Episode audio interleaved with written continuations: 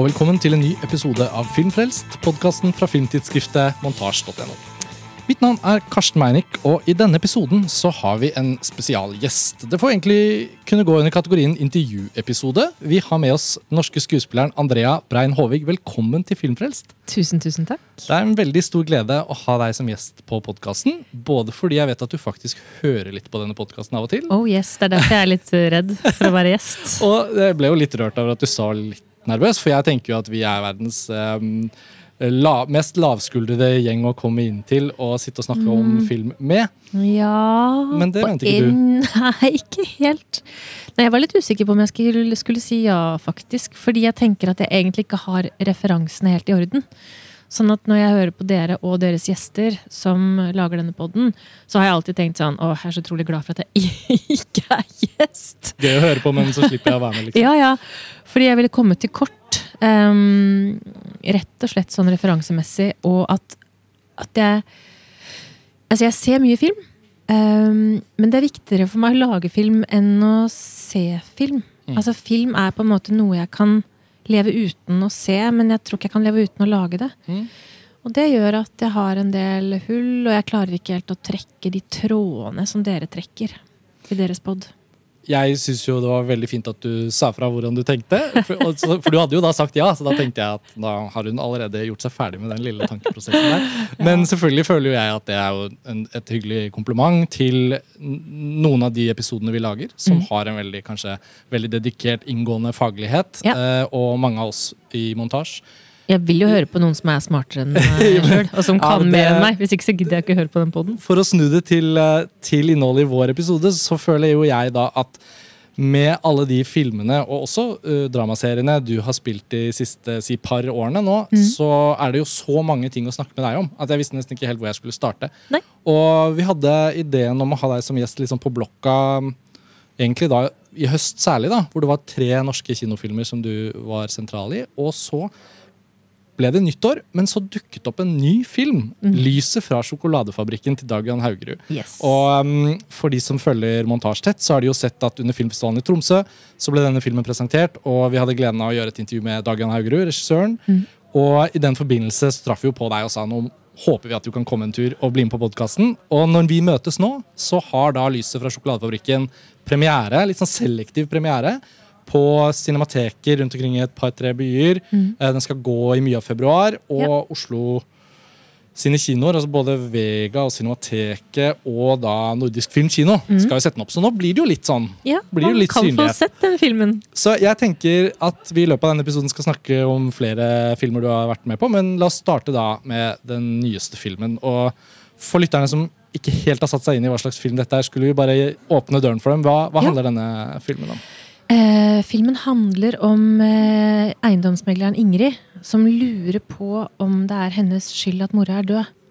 Så hun går da med dette dilemmaet, eh, løfter dette dilemmaet fram for tre bekjente eh, venninner. Og får da litt ulike svar på det dilemmaet. Det er det det handler om. Og filmen er jo initiert av Cecilie Semes, fotografen, som eh, som forsker på den lange tagningen. Så egentlig så var det et slags sånt forskningsprosjekt som vi laga. Ja, for jeg forsto at rammene, hvis man kan si eh, de, de, de produksjonstekniske rammene her, var ikke like som mange andre produksjoner er. Det var jo langt Nei. mindre penger involvert. Ja, ja. Eh, ingen penger. Ingen penger. det var bare en høflig måte å si eh, dugnad på. Ja, men eh, det men, siden Dag Johan snakka om det i Tromsø, så tenker jeg at det er ikke noe ja, nei, nettopp, å skamme seg over det. Og det er desto mer fortryllende på en måte, syns jeg, da, å, å se til filmen uten kanskje å vite så mye og egentlig bare se en film. Mm. Og sannheten om ja, Si at man sporer opp en snål amerikansk independent-film fra 80-tallet, som var den første filmen til en eller annen regissør som nå lager påkostede produksjoner, ja. så kan man jo ofte se at uansett hva det var som lå til grunn for hvordan den filmen ble lagd, så kunne den bare blitt sånn som den ble. Ja. Og man ville jo ikke egentlig at den skulle blitt til på noen annen måte. Nei. Jeg føler denne filmen har noen sånne veldig spesifikke kvaliteter hvor jeg nesten kan tenke at bare to måneder etterpå ville det ikke vært helt på det samme stedet. Det ville ikke nødvendigvis blitt helt likt. Det er en fin følelse. Men likevel så vet jeg jo også at Dag Johan Haugerud har veldig spesifikke manus, spesifikke tekster, ordvalg, mm. rytme, som han er veldig opptatt av. Og for å spørre deg om det, da. Altså, når du blir involvert i da, et prosjekt som er da på på en slags dugnad, men med veldig seriøse filmkunstnere. Cecilie på foto. Dag Johan skal ha regi, han har skrevet en tekst. Og de ønsker jo da de beste av de beste som de har jobbet med, til å bli med på prosjektet. Du blir invitert med. Og da har du jo hvordan er, altså er det, veldig, det er sikkert ganske lett å si ja, for det ser jo litt sånn fantastisk ut. og da tenker jeg Det det sier seg selv når du leser det, men så er det jo noe med rammene også som sikkert gjør at det ikke bare er lett å, å få det til. Hvordan var liksom din vei inn i dette prosjektet? Nei, det var jo Dag Johan og Cecilie og jeg som laget eh, Det er meg du vil ha også. Eh, Så jeg kjente jo eh, Cecilie godt gjennom den filmen, og det var jo også en sånn eh, som kom inn fra sidelinja, eh, skulle ha én visning under Dramatikkfestivalen, og så fikk den distribusjon. Så litt lik historie, på en måte. Eh, og så er det noe sånn at jeg føler meg veldig hjemme i Dag Johans univers. Jeg kan på en måte ehm, Jeg kan gå rett inn i en sånn Dag Johan Haugro-produksjon og uten å Altså Det er en litt annen måte for meg å jobbe på, fordi manuset er jo veldig altså Det er veldig nøyaktig. Eh, så det kan virke som om jeg sitter bare og jabber. det er manus. Det er veldig mye tekstarbeid eh, som ligger eh, Det er et og annet sånn småord som jeg kan ha tatt, lagt til eller tatt fra. Men det er Det handler mye om å bare skli inn i det manuset. Så sånn sett så er arbeidet med de filmene litt annerledes. Fordi det er ikke Det er akkurat som at mitt karakterarbeid ikke skal breie seg for mye. Fordi da vil det ødelegge manuset. Så det er ikke sånn Ja, det er, eh, det er trygt og skummelt, men på en litt annen måte.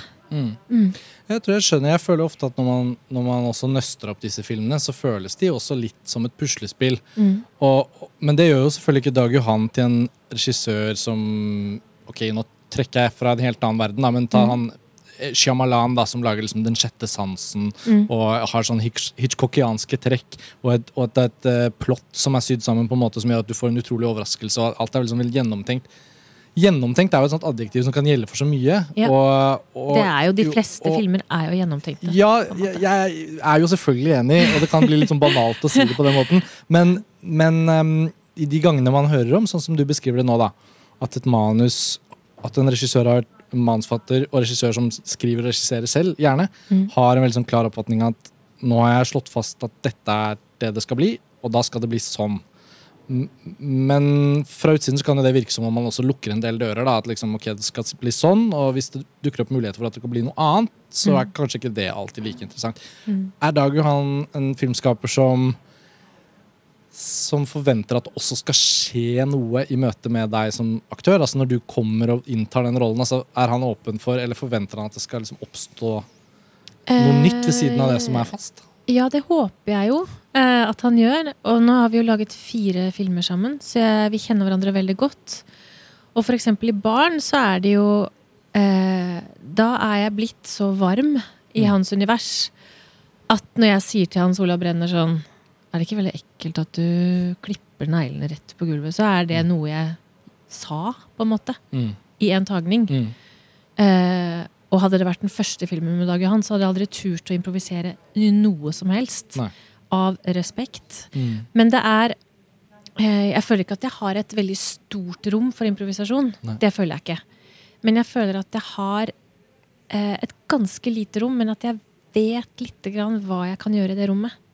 Og det er veldig fint. Hva slags forhold har du egentlig til improvisasjon som skuespiller? Er det noe du, er det, liksom, hvis en helt uetablert ung filmskaper da, kommer til deg og sier sånn Jeg har et par ideer her. Jeg vil gjerne at skuespillerne bare skal være i dette rommet, og så skal vi se hva som skjer. Ja, jeg liker å improvisere. For det er, jo, sant? det er jo mange filmskapere som også har skapt sin form gjennom helt sånne helt løse Nesten sånn Ok, vi er i et hus alle sammen, kameraene er på, Ja. la oss se hva som skjer. Ja, jeg er glad i det. Ja, jeg syns det er eh, Jeg har jo ikke gjort det så veldig mye, men for eksempel, jeg gjør jo ganske mye teater også, og da kan det jo være flere uker hvor vi jobber på den måten. Hvor vi, eh, vi, har, eh, vi har en tekst som vi skal improvisere over. Vi skal improvisere over situasjonene. Og det kan jeg også like godt å gjøre på film. Men man har jo ofte ikke den tida. Fordi en dag er så dyr. At uh, hvis jeg skal si sånn, ja, kan vi ikke på en måte fram til lunsj bare liksom eh, jazze litt rundt emnet, så ser jeg jo på en måte at det, det er jo ikke noe realisme i det. Fordi timene koster så mye. Koster de like mye når det er på dugnad? Eh, nei, på dugnad er det kjempebillig, men da er det kanskje også litt sånn Da er at tiden mer det er tiden mer kostbar. Eh, fordi alle jobber på en måte gratis, og også han som står og bommer. Eller på en måte, så det er jo også litt sånn av respekt for de involverte, Ja. som alle gjør en dugnadsjobb, at man ikke kan breie seg på den måten. Så svaret er ja, jeg liker det. Um, men det går fint å la være òg. Lyset fra sjokoladefabrikken har jo ligget litt sånn på sylt Ja. mens barn skulle bli ferdigstilt. Ja. Uh, og for de som da hører denne episoden, men kanskje ikke har lest seg opp så voldsomt på de forskjellige prosessene, så var jo da barn Dag Jan Haurus forrige og da kritikerroste s- på mange måter veldig ambisiøse, nesten litt e episke drama, men som selvfølgelig også har den nære eh, tilknytningen til hverda hverdagslivet i hans univers, hvis man skal si det sånn. da. Men det er, en, det er en lang film, og den har vært på filmfestivaler i Venezia, den har vunnet hovedprisen i Göteborg, gratulerer. Og eh, eh, på alle mulige måter vært profilert, da. I den grad en sånn film kan være det. Og så får den jo det kinobesøket i Norge som kanskje egentlig er ikke så langt unna hva som er realistisk for en film som krever litt av publikum. Det krever litt av at publikum skal komme og møte opp, Mm. Ja. og så videre og så videre. Men så har man Lyset fra sjokoladefabrikken, alle dere vet at den ligger der. mm. Men ikke vi andre. Mm. Nei. Eller få av oss, da. Ja. Eh, og vi i montasje er jo, liker jo å tenke at vi følger med litt, men eh, det Ja. var ingen av oss som var klar over Nei, men altså, jeg var ikke helt klar over det sjøl. Altså, fordi har bare, Hva har du tenkt? Altså, har du av og til sagt i Dag Jan du, den, den filmen vi gjorde Ja. Det har jeg faktisk eh, fordi fra Jeg har hatt sånn klokketro på den uh, filmen fra jeg leste manus for Ja, det begynner å bli noen år siden. Um, og liksom koste meg så innmari med det manuset. Men så var det jo sånn, det startet jo med én scene, og så skjøt vi én scene til et, noen måneder eller år etterpå. Mm. Så den har blitt til litt i biter, og den, em, den korketrekker, den dronegreia, er jo skutt til slutt. Mm. Eh, sånn at jeg visste, jeg visste at vi venta på noen vinterbilder. Det visste jeg. Mm. Men plutselig så var det sånn Den er ferdig, vi ses på TIFF. Ja. Ok. Eh, så, det, så jeg var jo ikke helt informert, jeg heller. Nei. For den ble klippa i litt forskjellige omganger. Og, ja. Den har jo en, en kapittelstruktur som da åpenbart egentlig tar i bruk produksjons... Eh, Ja. Si. For jeg føler når jeg ser denne filmen, jeg har sett den to ganger med publikum og opplevd at, at det er en film som jeg kjente ganske raskt på at den hadde en kvalitet jeg er kjempeglad i. Mm. Når filmer har en form for sånn Kanskje ikke symfonisk er kanskje ikke riktig adjektiv når den er mer som et lite uh, kammerorkester eller en slags uh, oktett eller sekstett. Hvis man skal sammenligne med musikk, så føler jeg at den, ja, den er litt mer enn en kvartett, men ikke helt oppe i symfoniorkester. Nei. Men den har det musikalske, og den har noe sånn komponert over seg. Og kapittelstrukturen gjør det nesten til at hver scene er en låt på et album. Mm. Og det er sånn andre gang jeg kjente at denne filmen kan jeg virkelig se mange ganger. Ja. For det handler ikke egentlig så mye om å følge historien eller gå gjennom de emosjonelle eh, liksom rundgangen man Det er jo også en emosjonell film, men ja, jeg opplevde jeg faktisk. jeg opplevde at den har Ja, men den har den derre Uten å bli en altfor poetisk sånn eh, insisterende poetisk film, Mm. så har den en lyrisk kvalitet som kommer ut av kapittelstrukturen, og at hver scene får lov å liksom spille seg ut litt som en novelle. Ja. Men vi følger de samme rollefigurene likevel, så den har helheten i tillegg. Og jeg beundrer denne filmen veldig, og, og opplever at sånn som når jeg skal tenke på vår samtale, så tenker jeg på at å, å, å være da et instrument på en måte i en sånn komposisjon Mm. Uh, Det høres jo ut som, og du har jo allerede sagt det, at kjennskapen til Dag Johans toneleie, Mm. hvem han er som forteller, Mm. blir gradvis bare mer og mer utviklet. da.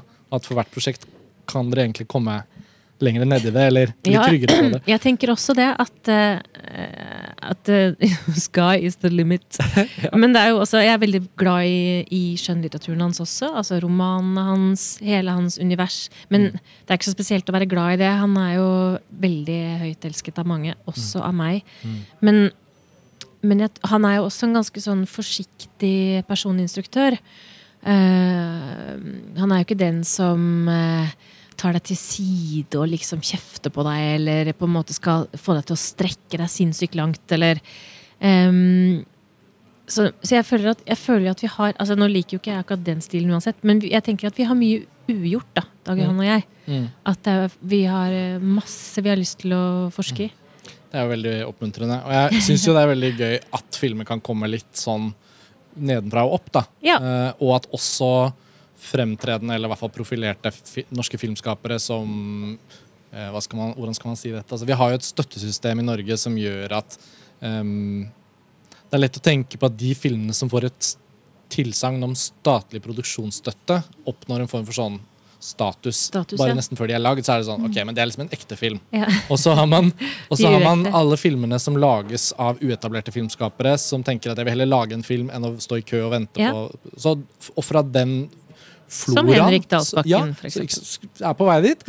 Mm. fra den floraen så stiger det jo av og til opp store talenter. Mm. Som av en eller annen grunn ikke helt har blitt plukket opp, og som kanskje måtte finne sin egen vei. Og der Eller har vi som jo er utålmodige. ja, nettopp. Eller, Og der har vi jo Henrik Martin Dalsbakken, da, Mm. som um, observante lyttere og lesere har vel fått med seg da, at han nå har laget fem spillefilmer, og han er vel ferdig med den sjette, som skal komme til neste jul, Mm. fordi den har juletematikk. Og um, han er jo da en av de, Det er jo naturlig å trekke han inn fordi det var en ganske sånn prominent hovedrolle du da hadde i hans film En affære. Mm. Men da går det jo da altså Fortell litt om det. altså Din da funksjon som en skuespiller som Men har bygd opp nok erfaring og pondus på en måte faglig til å være en forløsende medspiller for et sånt prosjekt. da At det, det for han å få med deg Mm. Ja. gjør at kanskje filmen har større potensial for å bli noe av da. Ja, kanskje. Kanskje, Altså, men stopp, Kjenner du på det når du da vurderer prosjekter og kjenner at ok, her ser jeg faktisk at jeg vil veldig gjerne være med å forløse dette, men du er ikke like kanskje trygg på at det skal bli akkurat Ja. sånn som du vet at Dag Johan Haugeruds filmer blir? da Nei, nei, langt ifra, langt ifra. Og jeg er heller ikke så edel at jeg tenker at uh, Jeg er ikke så godhjerta at jeg liksom gir meg vet du, At folk kan låne meg for å, for å få penger av NFI, eller Men um, så edel er jeg ikke. Men, men akkurat det prosjektet, da, en affære, syns jeg var liksom, pirrende på mange måter. Uh, jeg, jeg, jeg likte Henrik veldig godt fra første samtale med han. Um, og det at han eh, er på mange måter en underdog. Um, jeg, har, jeg har ikke møtt eh, ja, Han er jo ikke en sånn kredibel type som Dag Johan er. Um, han lager jo filmer uten støtte. Han lager eh, filmer med folk han har vokst opp med på Hamar. Det gjør han fortsatt. Og eh, jeg syns bare det var noe med han eh, som var veldig forlokkende. Jeg hadde veldig lyst til å jobbe med han og lage film sammen med han. Mm. Og, og den historien også, og den karakteren, eh, ble jeg også veldig veldig fascinert av. Å finne ut av henne. Og prøve å være med på å lage en film som eh, på mange måter er jo ganske sånn forventa i strukturen. ikke sant? Man tenker litt åssen det kommer til å gå, og så går det kanskje litt sånn. Men å være med og, og liksom banke litt innenfra, da. Mm. Eh, å få folk til å kanskje både mislike og hate og heie på den dama. Det syns jeg var en veldig spennende utfordring. Hun føltes som en dame vi ikke får se så mye av på Ja. film, egentlig. Absolutt. Uh, og det om- som var så interessant, var at uh, jeg, jeg var på en filmfest Vi var i Lybekk med den. Ja, der var det. Nordiske filmdager. Ja. Og da hadde vi en Q&A, og der var det mange filmstudenter. Og så satt det, og så satt det en veldig sånn skeptisk gjeng med, med unge kvinner som jeg så liksom at ikke likte filmen. Og så rakk hun igjen opp hånden, og så sa hun sånn ja, at jeg skjønner ikke jeg skjønner ikke hva vi skal med en sånn karakter i 2019. Eh, hva, er vi ikke ferdig med den type kvinner? Og da ble jeg liksom Jeg ble så utrolig Jeg ble ganske provosert, faktisk, og veldig lei. Eh, og da, da laget jeg en sånn tweet, som er det der at det uttrykket med altså, sterk kvinnerolle, da. At det kan også være at man er utrolig svak. Altså, jeg, jeg liker ikke det uttrykket, en sterk kvinnerolle. Jeg har aldri likt det uttrykket. Og fordi Skal man da på en måte bare spille kvinner som vet hvor skapet skal stå? Da skal man ikke gi en stemme til dem som lar seg undertrykke eller gjør dårlige valg. Um, skal de bli usynlige i kunsten, så er jo det livsfarlig, mener jeg. Eh, så det var, Men jeg hørte jo en del ikke sant, eh, feministiske stemmer som mente at den karakteren Det er jo egentlig en veldig interessant anekdote fordi hvis vi tar da norsk filmkultur, da, og, og jeg tror alle vi som er opptatt av film, opptatt av at det skal lages film i Norge, flere av dem, og filmkulturen vår, har jo vært i en, i en sånn raskt voksende fase, egentlig i to tiår nå. I dag er det jo, nå er det jo Vi sitter her februar 2020, Mm. og jeg gjorde faktisk Jeg tenkte sånn Vent litt nå. Hva, hva er egentlig Andrea Brein Håviks liksom første film? Jeg prøvde å huske det, og så Ja. tenkte jeg litt sånn Jo, men du har vært med i mye filmer nå de siste årene. Ja. Men du har jo også hatt mange andre holdt på å si, kunstneriske ben å stå på, og teatret åpenbart. Mm. Jeg, må, jeg må erkjenne at jeg ikke kan kime inn så voldsomt mye om kontemporært norsk teater, for jeg Nei. bruker mesteparten av tiden min på film. Ja. Men De syv dødssyndene, som var Ja. Mm. en sånn kortfilm, sånn antologifilm Det som tror jeg var min første sluppet- film. Det er den første på IMDb, i hvert fall. Jeg tror det er den første jeg gjorde. Og det husker jeg. Jeg har da, innser jo da at jeg også da er gammel nok til å huske, og jeg følte at hvis jeg nå kan si at vi har to tiår, da, 20 år fra årtusenskiftet, og like etter så ble det gjort store politiske endringer for å sørge for at det som ble brukt av statlige penger på film, på en eller annen måte skulle bli brukt bedre, og man skulle kanskje forløse andre typer filmer, andre typer filmskapere, og ikke minst en annen relasjon til publikum. Og det har jo nå egentlig pågått snart i 20 år. da. Og Det som da het Norsk Filmfond, ble vel etablert i 2001. Og så like etter så kom Trond Giske-epoken. rent sånn han økte jo støtten Mengden av millioner til film ble radikalt økt i den perioden. Og så, kom, så så jeg at De, de syv dødssyndene, den kortfilmantologien, sto listet opp som din første filmrolle. da. Ja. Og da så jeg at det var en av kortfilmene og den var regissert av Øystein Carlsen. Stemmer det? Og um, Ja, Ørjan Karlsen. Ørjan Karlsen unnskyld. Eh, og så, Det vet jeg ikke om, om du husker eller vet, men Jens Christian Fotstad, som er Ja. klipperen som har klippet barn, Ja. han hadde jo faktisk da klippet den Ja, filmen. Og da følte jeg sånn Oi, nå var det noe sirkulært som skjedde. Ja. Så følte jeg Det skal jeg spørre Andrea om. Ja, det tror jeg vi har snakka om en Altså, gang. Altså, Hvordan var den perioden for deg uh, som skuespiller? Eh, Litt yngre skuespiller enn du er i dag? Ja, Altså, ja. hvor- Det, du tenker på perioden i, Ja, altså i mitt starten- karriere der? Ja, litt sånn i starten der. Du, hva, du husk, hva husker du fra det prosjektet, og hvordan det var å spille Ja. i en sånn eh, norsk kortfilm den gangen? Nei, jeg var jo veldig mye mer opptatt av teater enn jeg var av film. Mm. Um, jeg jobbet utro, altså Både før og etter teaterskolen så jobbet jeg på scenen. Og jobbet, prøvde inn en forestilling på dagen, spilte en annen på kvelden. Holdt på sånn i årevis. Ja. Um, det var et eller annet med at jeg tenkte at altså, det var med at film ikke angikk meg så veldig. Og så var det veldig fint å lage den De syv dødssyndene. Og så laget jeg, så var jeg med på Tyven Tyven, som ble Ja. vel Norges Oscar. eh, Trygve Alser Disens. Ja. Og den har holdt seg veldig bra, den filmen. Ja. Det er ikke mange år siden jeg så den om igjen. fordi Nei, det handlet om, det var vel i forbindelse med at han hadde Disen hadde laget en TV-serie. Og så var jeg litt sånn, ok, Hvordan var Tyven Tyven igjen? Ja, ja, ja. Jo, og, og det var ikke til forkleinelse for noe av det, men jeg fikk på en måte ikke sånn Jeg fikk ikke sånn kjempefot på det. Nei. Eh, fordi for meg Jeg har et stort kontrollbehov. Eh, det mm, tror jeg mange kan bekrefte, på en måte, som jobber med meg. Jeg vil vite hva som forventes av meg. Hva vi vil, lager eh, her? Ja, hva lager vi? Eh, og jeg jobber ganske sånn metodisk og grundig hver gang. Eh, bruker mye tid på det.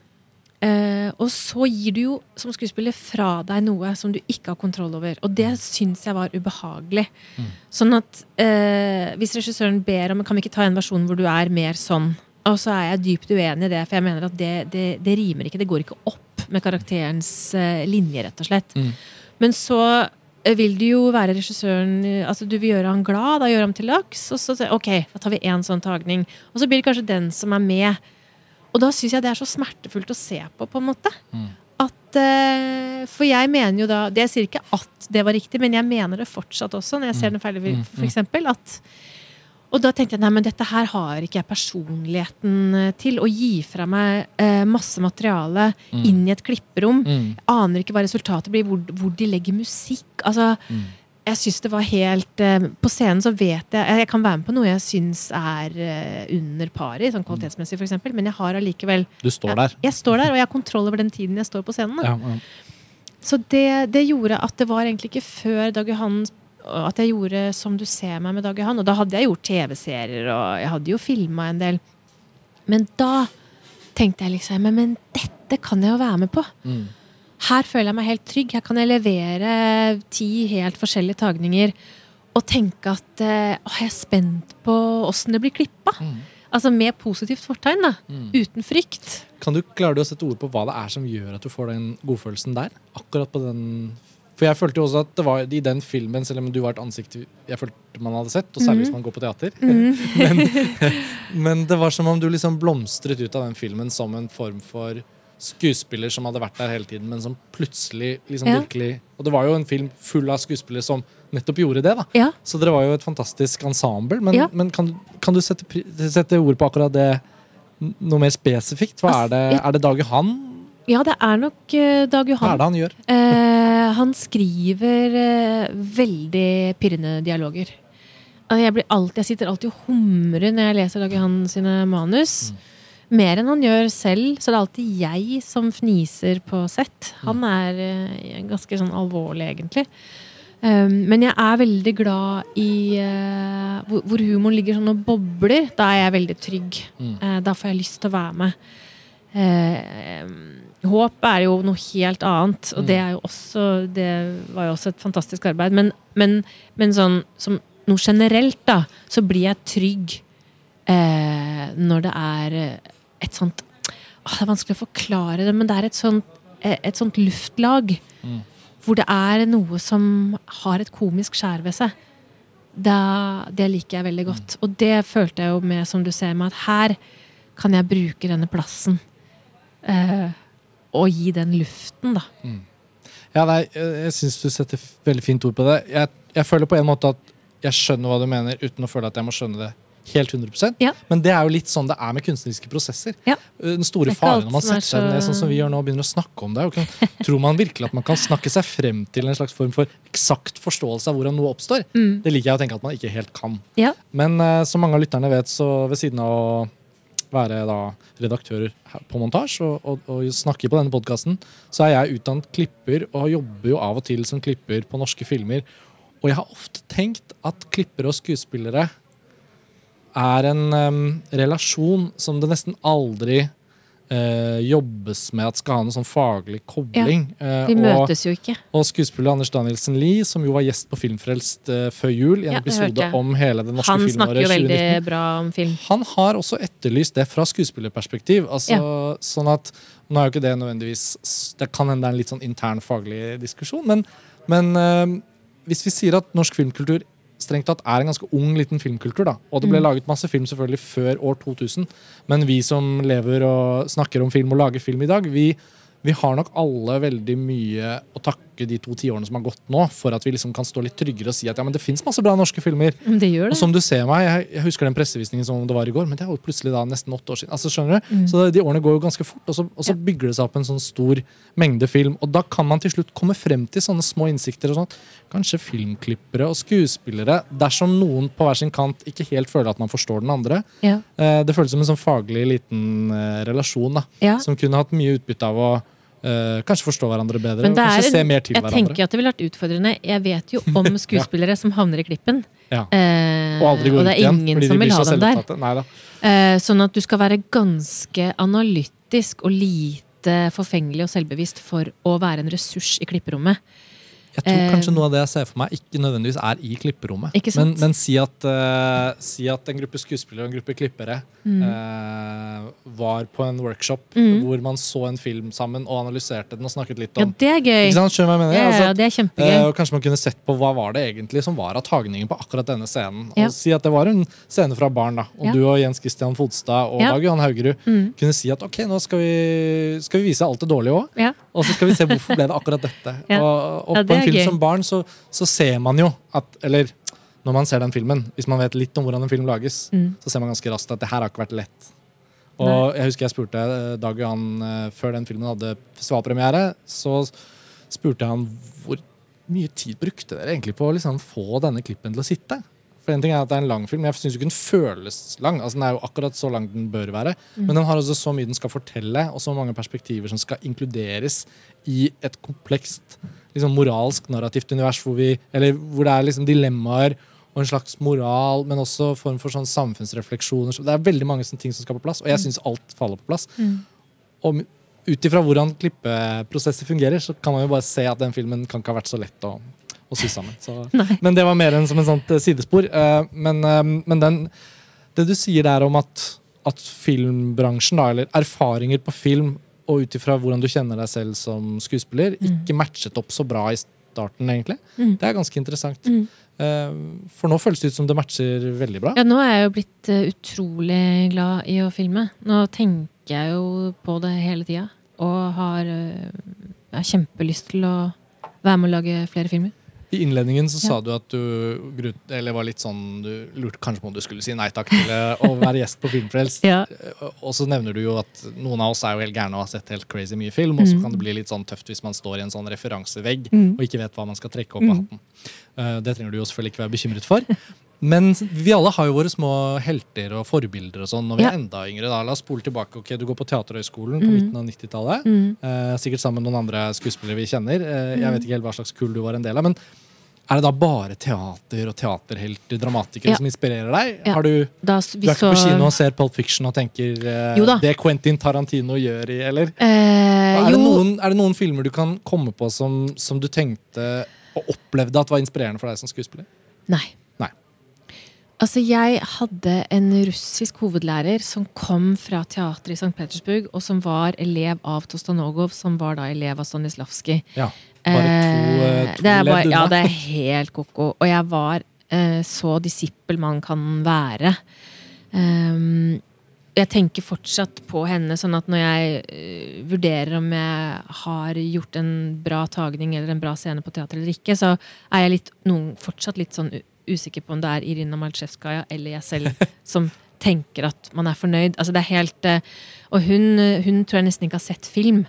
Sånn at jeg, jeg fulgte etter henne i en slags sånn russisk eh, teaterverden. Mm. Så det å se på film, det følte jeg nesten var Det var bare forstyrrende, på en måte. For det var jo på scenen det skjedde. Mm. Det var der livet ble levd, da. Mm. Så igjen dette med at det var, no, det var noe noen andre drev med. Mm. Jeg, jeg så Tarantinos filmer og sånn, men det, jeg vet ikke, det angikk meg ikke sånn voldsomt, da. Oppsto det en fase Men i- senere på, altså på, da jeg var barn, så var det nok sterkere. Altså jeg så Rasmus på Loffen i, i en sånn DVD-hylle på Ica i Sverige. Og da fikk jeg sånn Det tror jeg kanskje var min største og første altså sånn filmopplevelse. Mm. Rasmus på Loffen. Mm. Og Allan Edvald, som jeg var så heldig om både møte og jobbe med. Oi, ja. um, så, men akkurat sånn da jeg var under utdanning og ung skuespiller og sånn, så Nei, det, jeg syns det var litt sånn jålete med det filmgreiene.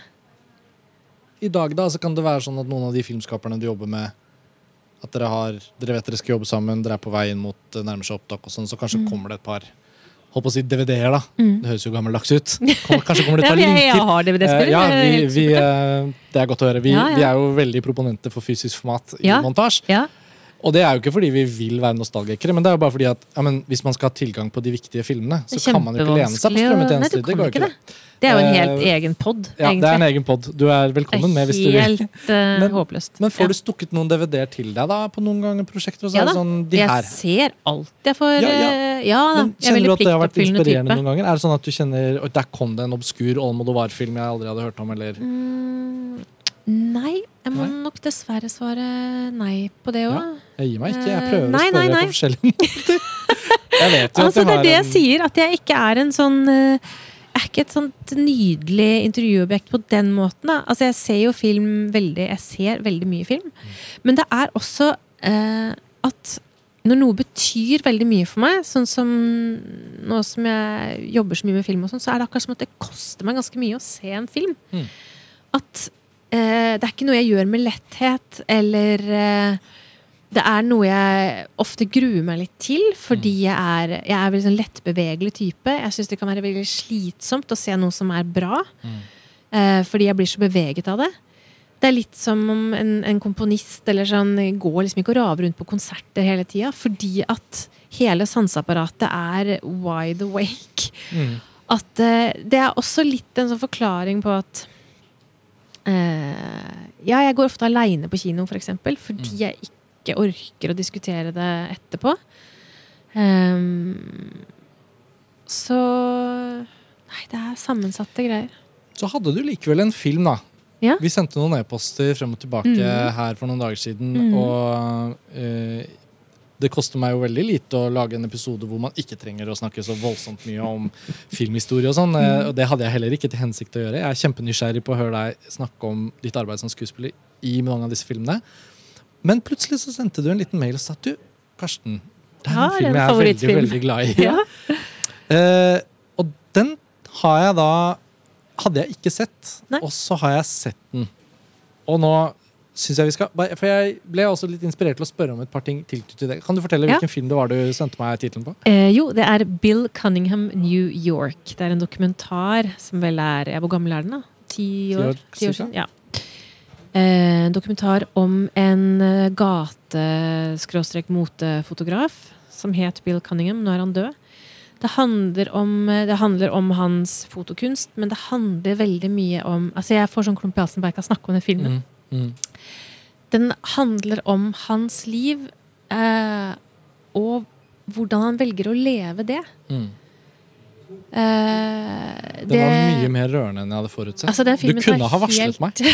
den filmen tar helt knekket på meg. Ja. Eh, og det sier så mye om eh, Altså hvordan han velger Han er veldig sta, han lever alene. Mm. Lever jo eh, veldig tett på glamouren, Mm. som eh, veldig mange ønsker å være en del av. Han tar jo bilder av berømtheter eh, og modeller og sånn. Og så insisterer han da på å leie dette skanky loftet. Mm. Så man le og han lever helt ensom, og man tenker jo kanskje også at han er at han aldri helt har kommet ut av skapet. Det er en sånn en understrøm der som På soverommet bor han jo nærmest i et arkivskap. Ja, det så det er umulig å ikke lese av de bildene som nesten sånn overdrevent eh, metaforiske. Men så Mm. blir det liksom ikke Jeg føler ikke at det heller er svaret på historien om ham, men Nei. at man inviteres hele veien under filmen til å, til å se Han snakker veldig mye om hvordan man skal se noe. Mm. Og han er opptatt av klær, han er Mm. opptatt av mote og stil. Og han Ja. sier at jeg er ikke noe paparazzi. Jeg kunne aldri vært en god paparazzi. Nei, jeg er opptatt av kjendislivet. Jeg ser klær, jeg Ja. ser et snitt, jeg Ja. ser en stil, og Mm. jeg ser det, og så tar jeg to bilder, og så Ja. er jeg fanget Og så vil han jo ikke snakke med dem han tar bilder av. Han, han, er, jo ikke, han, han er jo ikke lokket av, eh, av noe annet enn det rent visuelle. Og han har så mye integritet og så mye verdighet at han nesten Han klarer jo nesten ikke å snakke om sin egen kunst, på en måte. Mm. Og så er det den, den selvvalgte ensomheten syns jeg Mm. også er helt sånn nydelig. Jeg syns det er en veldig godt laget dokumentar. da Ja. som jeg, Det er en av de filmene jeg velger å se flere ganger. Jeg syns det, var- det var overraskende og morsomt at uh, det var tipset ditt. Og jeg liker det så godt å se gamle folk på film. Ja. Eh, det er jo altså Jeg eh, tenkte på det nå på vei hit, at det er nok også en grunn til at jeg er så glad i akkurat den filmen, er at det er en, en gammel mann i sentrum. sentrum. Og jeg liker jo, ikke sant, sånn som The Straight Story, David Lynch eller Amor og Hannike. Jeg er veldig jeg er veldig tiltrukket av gamle mennesker, da. Mhm. Eh, jeg er mm, ofte mer nysgjerrig på hva de tenker og driver med, hvordan de ser på ting og sånn, enn en folk på min egen alder og yngre. Vi, vi, Andrea, vi sitter jo her på Røverstaden Ja, det. eh, i Oslo og har frem til nå sittet i ro og mak i et hjørne. Og hvis eh, lytterne hører det, så er det noe lydsjekk som pågår i bakgrunnen Mm. her. Eh, Så vi skal prøve å, å nappe ut mesteparten av det. Midt i min monolog om gamle folk.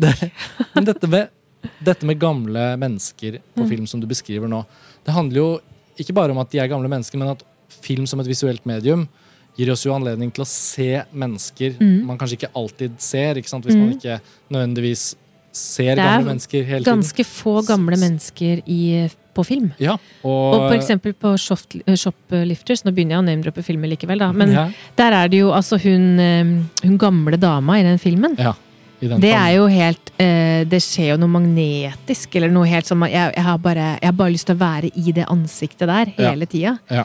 Eh, som, som et eksempel på at uh, det skjer noe. Ja. Jeg tenker også på Nebraska, by the way. Med Bruce Dern, ja. Ja.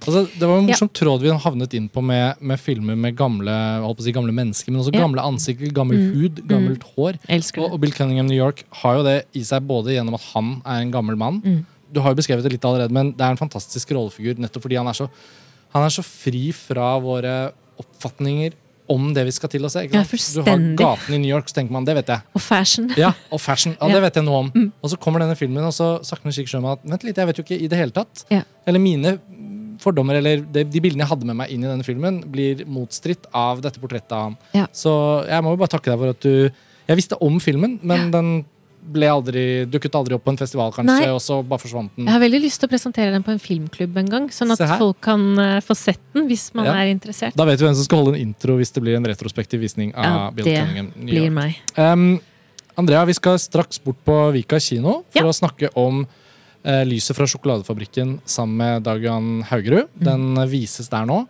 Um, hvis vi skal si at vi skal oppsummere litt uh, Vi sitter jo på et sted hvor, uh, hvor det snart er et annet arrangement, så, så tenker jeg vel at at det føles som om vi har liksom åpnet ganske mange sånne dører til langt større samtaler i løpet Ja. av denne lille podkastepisoden. Men det er jo helt nydelig. Ja, det er jo litt det håpet er, da, at man aldri er helt ferdig med å snakke om ting. Eh, og jeg opplever jo at den filmen du bare så vidt nevnte, 'Maria Sødals håp', Mm. er jo en film som vi på sett og vis kunne snakket veldig mye mer om, men det føles jo nesten som en helt egen episode. Ja. Og det jeg i tilfelle har lyst til å si uansett, er for det første gratulerer med Kanonprisnominasjon. Tusen takk. Kanonprisen deles ut starten av mars Mm. til de beste filmkunstneriske prestasjonene fra norske filmår i 2019.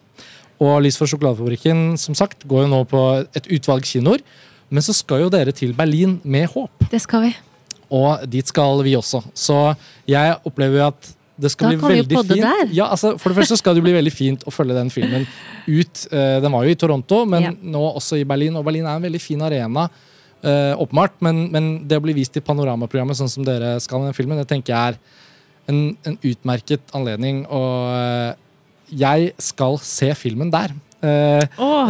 Så det var også en av årsakene til at jeg ikke kunne bruke så mye tid på den nå. Fordi jeg hadde litt uflaks da den gikk på kino, og så var jeg på ferie, og jeg ville se den på det store lerretet. den og- går fortsatt på kino, bare sånn at Ja, men så ble den tatt kan ut i Berlin, og da tenkte jeg Perfekt det er litt perfekt for meg. For da får jeg oppleve perfekt. håp i akkurat en sånn setting som er litt annen enn Klingebergkjelleren eh, eller Vikakjelleren. Med all respekt til disse jeg som jeg er veldig glad i. du Eh, så, så jeg tenker at hvis noen lurte på hvorfor vi ikke snakket mer om hopp, så er i hvert fall det årsaken fra min side. Men jeg håper at det blir, Det blir en anledning til å med plukke opp- Ja, ja. Vi plukker opp tråden med, med håp. Og, og som du har vært inne på, så høres det ut som at det vil komme Du vil fortsette å være aktiv i norsk film. Enda mer aktiv enn du kanskje var på tidlig 2000-tallet. ja, ja, det Um, håper jeg jo, for jeg var jo veldig skeptisk tidlig på 2000-tallet. Men jeg er glad du åpner opp om akkurat de prosessene, for det glemmer man litt å tenke på. I hvert fall vi som er veldig inne i film. Mm. Kan jo av og til tenke at for en skuespiller så må jo det bare jobbe i film. Det er vel helt supert. Altså, Nei, det er så mye ikke sånn, altså. Og så tenker jeg også sånn, når jeg først er på det negative, skeptiske sporet, da, som Ja. jeg, jeg er ofte nedi der, Ja. uh, så er det jo at Uh, hvis man tenker sånn Ja, ja, jeg kan vel være med tre dager i den TV-serien. Eh, det er jo det, er liksom, det koster meg ikke så mye, og det er ok penger og sånn. Mm. Så ligger det jo der til evig tid. Mm. Og det, jeg tenker at det Jeg har så respekt for det, bare. Ja. At det er eh, evige natur. Ja. Så det gjør at jeg er jo reddere for å være med på ting som har med kamera å gjøre, enn en scene, sceniske ting. For det, det deler man med publikum der og der, og så er det borte. Mm. Det er borte etterpå. Mm, det er det. På godt og vondt. De som fikk det med seg, de fikk det med seg. Ja. på en måte. Ja. Hvis vi skulle avslutte med noe, så føler jeg i hvert fall at uh, om ikke det har kommet tydelig nok frem, så setter jeg stor pris på Lyset fra sjokoladefabrikken. Det er hyggelig. Det er en film jeg håper mange mm, går og, går og ser på kino. Og den er en liten film, men den kan jo egentlig nå bare liksom Det kan bare gå, gå bra når den har startet, da, som, som Ja. du har beskrevet som et prosjekt hvor man inviteres med, men det ikke egentlig fins de store budsjettene. Men da forsvinner jo kanskje noe av risikoen nå. Og, og um, hva føler du du tar med deg fra den filmen nå som du skal i gang med, med andre ting? Å, det er så stort spørsmål. Jeg tror, jeg tror at man ofte ikke helt vet uh, Ja, ja. Man vet Altså, jeg vet ofte ikke helt hva jeg tar med meg før veldig lenge etterpå.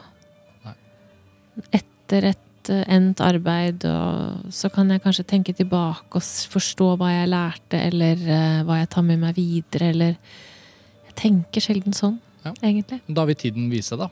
Ja. Eh, vi skal fall følge med, som jeg sa i stad, at, at det, det blir jo veldig eh, åpenbart høyere aktivitet da i din filmografi nå fremover. Og, og vi gleder oss til å se hva som blir det neste. Um, som jeg tror jeg prøvde å si da vi ble avbrutt, så er det jo da viktig å Og understreke at 'Som du ser meg' og 'Det er meg du vil ha' og 'Barn', og nå Mhm. også 'Lyset fra sjokoladefabrikken', alle disse Dagan Augerud-filmene, de er jo tilgjengelige. Hvis noen av lytterne kjenner at de har ikke egentlig sett mange av de filmene vi kommer inn på nå, så, så har jo alle de vært utgitt på hvert fall DVD. Ja. Og, og så fins de jo på strømmetjenester og sånn. Og noen ganger kan det være fryktelig vanskelig å finne filmer, og skjønner, man skjønner ikke hvorfor ikke de fins digitalt. Og, men i akkurat dette tilfellet så skal det jo være mulig å få tak i disse filmene. Så Ja. ja, nei. Vi får si det en gang til. Tusen takk. Takk for Tusen at du kom. takk, eh, og takk til dere lyttere som hører på. Vi høres igjen snart med nye episoder av Filmfrelst. Ha det bra.